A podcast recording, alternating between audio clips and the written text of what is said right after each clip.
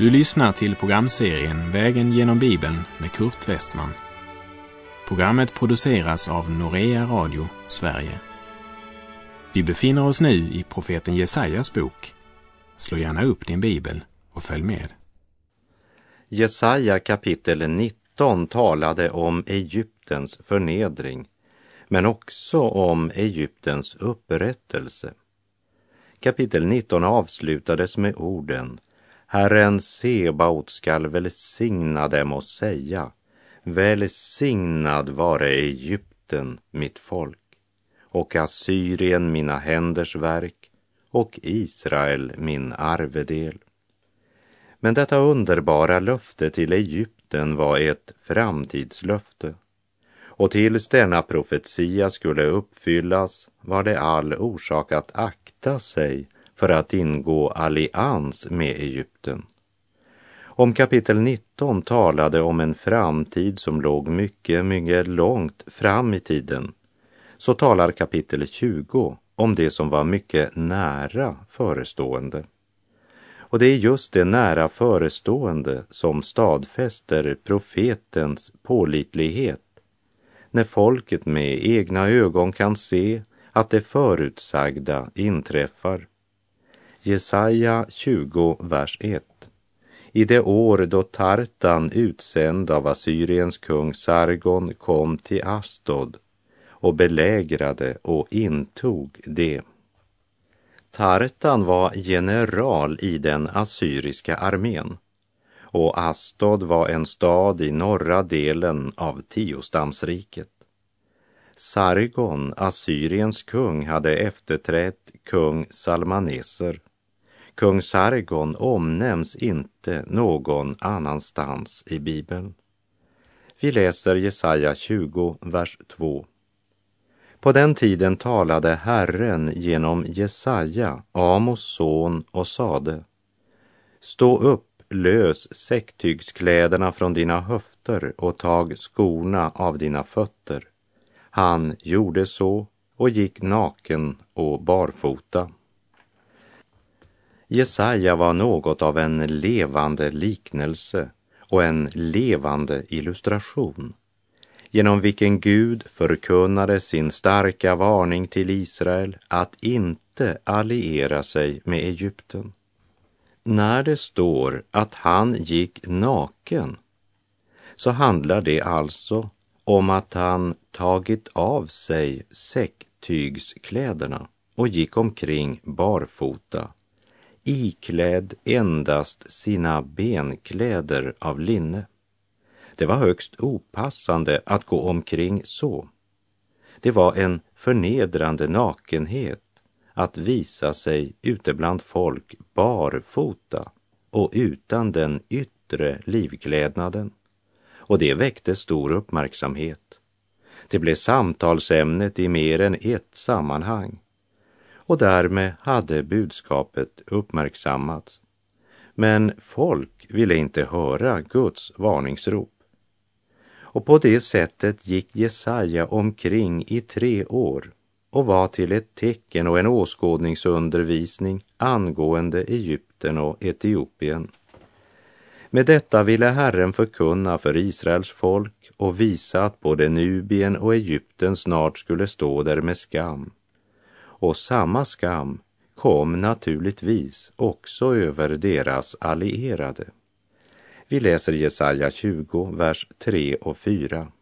Sedan sade Herren, liksom min tjänare Jesaja har gått naken och barfota och nu i tre år varit ett tecken och ett förebud angående Egyptien och Nubien, så ska kungen i Assyrien låta fångarna från Egypten och de bortförda från Nubien, både unga och gamla, vandra iväg nakna och barfota med blottad bak Egypten till skam.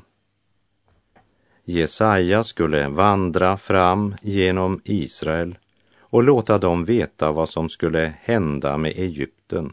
Och vi får veta att där han vandrade fram blev han ett tecken för folket.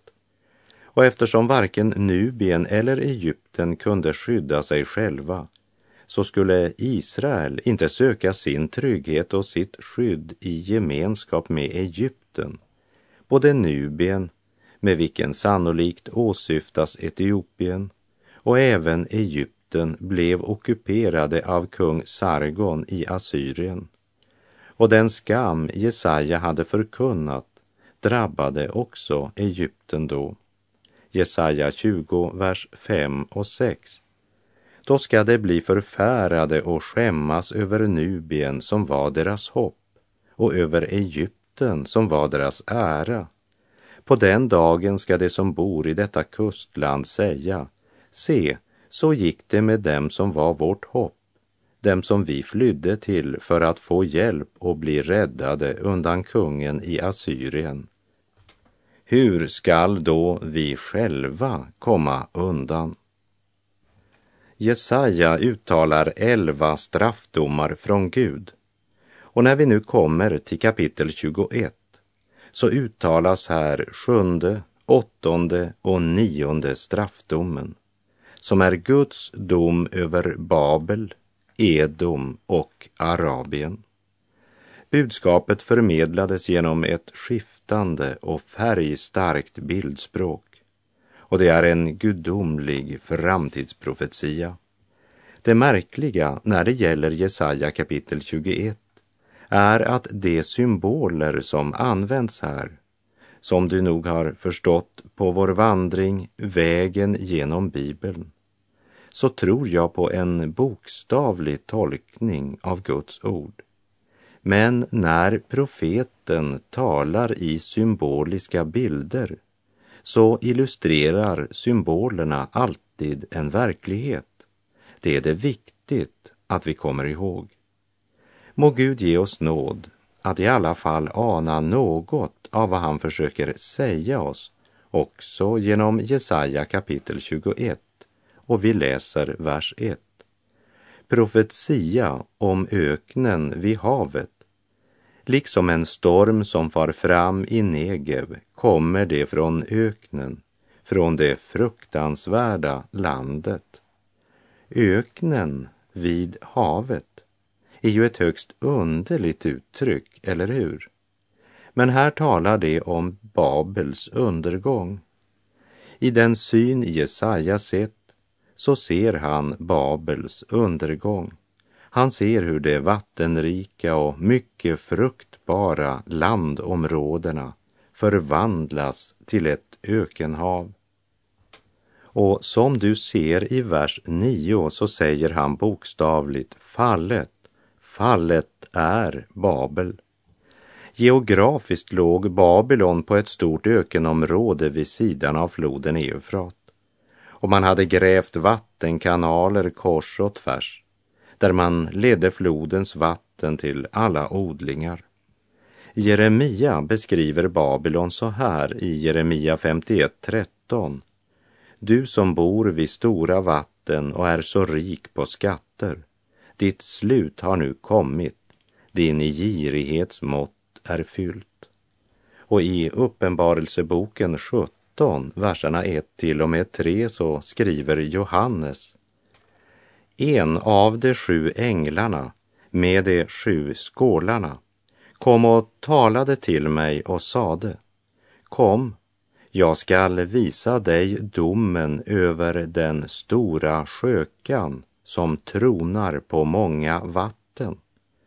Jordens kungar har bedrivit otukt med henne och dess invånare har blivit berusade av hennes otukts vin. I anden förde han mig då bort till en öken. Så även i Uppenbarelseboken möter vi alltså kombinationen av riket som tronar på många vatten och när Johannes såg detta blev han av anden förd bort till en öken. Och Jesaja 21 är en profetia just om öknen vid havet. Babylon med all sitt guld och glitter, sina imponerande fester, sin moralupplösning, sin avgudsdyrkan och sin falska religion. Babylon var som en hägring mitt i öknen, en öken vid havet. Det var en hägring mitt i öknen.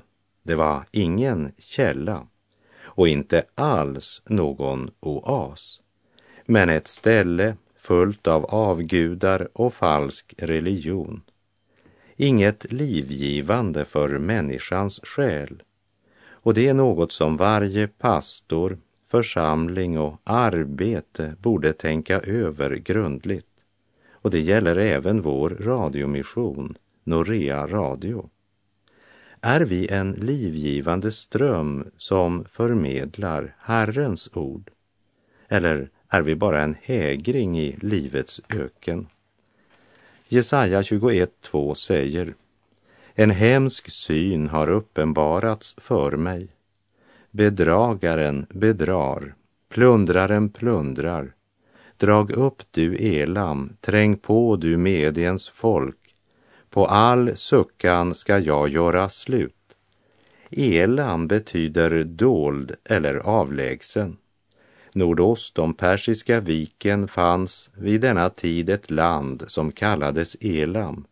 Men elamiterna var inte ett eget folkslag utan semitiska stammar som senare blandats med araber. Elam var ett mycket bergrikt land som i norr gränsade till Medien, i öster till Persien och i väster till Babylon. Och här ljuder alltså budskapet. Dra upp du Elam, träng på du Mediens folk. På all suckan ska jag göra slut. Jesaja karaktäriserar sin syn som hemsk. För vem är det denna syn är hemsk? Vem drabbas? Det är öknen vid havet, Babel, som detta budskap gäller. Elam, det vill säga sannolikt även Persien, ska dra upp mot Babel. Och även Medien är med då det sker. De flesta bibeltolkare menar att det här är en profetia om Babylons fall som senare inträffade då kung Kyros av Persien intog Babylonien år 539 f.Kr. Oberoende av vilket folk som drabbas av Guds dom så är profeten djupt skakad av det fruktansvärda som ska drabba människorna när Guds dom verkställs. Vi kan inte undgå att märka Jesaja oerhörda smärta och vånda inför det som han vet skall ske. Han vet att det ska ske, för det är ju Gud som sagt det. Jesaja vet vad han pratar om. Han förkunnar inte tomma ord, men gudomlig uppenbarelse. Det är skillnad det. Hör, Jesaja 21, vers 3 och 4. Därför är mina höfter fulla av smärta. Ångest har gripit mig, lik en barnaföderskas ångest. Jag är nedtryckt, så jag inte kan höra. Jag är bestört så jag inte kan se. Mitt hjärta är utom sig, bävan överväldigar mig. Skymningen som jag längtar efter får mig att darra. Här är det inte en lejd herde som talar. Här är ett levande Guds barn som delar Guds smärta för den dom som är oundviklig för det folk som förkastat Gud. Här möter vi Guds kärlek hos Jesaja på samma sätt som vi senare ska möta Guds kärlek genom Jeremia tårar. Guds folk delar Guds smärta. Ingen kan glädja sig när Guds dom kommer. Och Gud önskar inte heller att döma dig. Han vill frälsa dig. Men han kommer aldrig att tvinga dig. Valet är ditt. Gud önskar inte heller att utösa sin dom över nationer. Men varje nation måste skörda konsekvensen av sina val. Innan vi läser vidare i Jesaja 21 känner jag det viktigt att påminna om att denna profetia uttalades cirka 200 år innan det skedde. Ändå beskrivs det så klart som om det var ett ögonvittne som berättade. Vi läser Jesaja 21, vers 6 till och med 8. Ty så har Herren sagt till mig, gå och ställ ut en väktare. Han ska meddela er vad han ser. Och han såg en hästvagn och ett par ryttare, en åsnevagn och en kamelvagn. Han gav noga akt, mycket noga. Han började ryta som ett lejon. Herre, här står jag ständigt på vakt, dagen lång. Jag stannar här på min post, natt efter natt. Och se, här kommer en vagn med män och ett par ryttare. Och han tog till orda och sade, Babel har fallit, ja, det har fallit. Alla dess uthuggna gudabilder är nerslagna till marken. Och det beskrivs så här av profeten Jeremia i kapitel 51, verserna 31 och 32. Löparna löper mot varandra. Den ene budbäraren korsar den andres väg med bud till kungen i Babel om att hela hans stad är intagen, att vadställena är besatta och dammarna förbrända i eld och krigsmännen gripna av skräck. Det är skördetiden, det vill säga tiden för Guds dom som har kommit. Och vi läser vers 10 i Jesaja 21.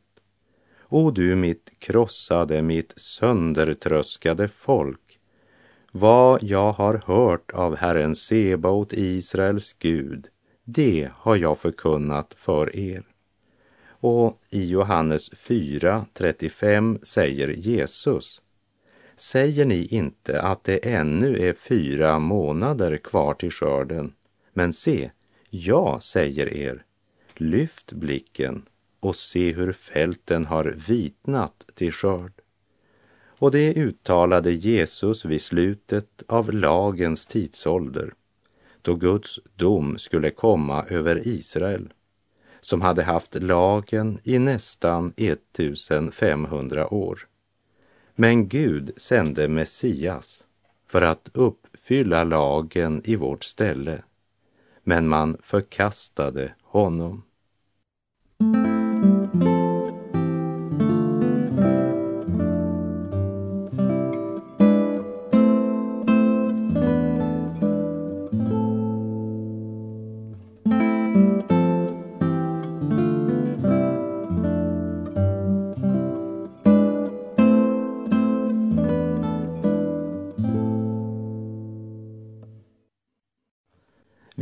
Läser Jesaja kapitel 21, verserna 11 och 12. Profetia om Duma. Man ropar till mig från Seir, väktare, vad återstår av natten? Väktare, vad återstår av natten? Väktaren svarar, morgon kommer, ändå är det natt. Vill ni fråga mer så fråga, Kom tillbaka igen. Duma betyder tystnad och det antyder på riket Edom, alltså Esaus efterkommande. När det gäller Esau så säger Första Mosebok 25, vers 25. Den som kom fram först var rödhårig och hade som en hårmantel över hela kroppen det gav honom namnet Esau. Och i Första Mosebok 36.8 står det, och Esau bosatte sig i Seirs bergsbygd. Esau är densamme som Edom. Seir betyder storm. Duma betyder tystnad. Och det är ingen tillfällighet att Jesaja använder detta ordspel när han talar om Edom. Det skulle först bli storm, därefter tystnad, dött som i graven.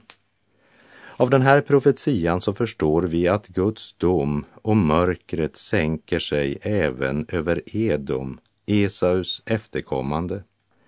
Och på samma sätt som det fanns en spänning i tvillingbröderna Esau och Jakobs liv, så står berget Seir i kontrast till Sions berg. Det handlar om världens sätt att tänka och leva, världens rike kontra Guds rike. Vi minns från vår vandring genom fjärde Mosebok där Mose sände bud när de var i Kades som gränsade till Edom och bad Edoms kung om att få tåga genom deras land på väg mot Kanan. Fjärde Mosebok 20, vers 17 och 18. Låt oss tåga genom ditt land. Vi ska inte gå över åkrar och vingårdar och inte dricka vatten ur brunnarna. Vi ska ta kungsvägen utan att vika av, vare sig till höger eller vänster, förrän vi kommit genom ditt område. Men Edom svarade honom, du får inte tåga genom mitt land.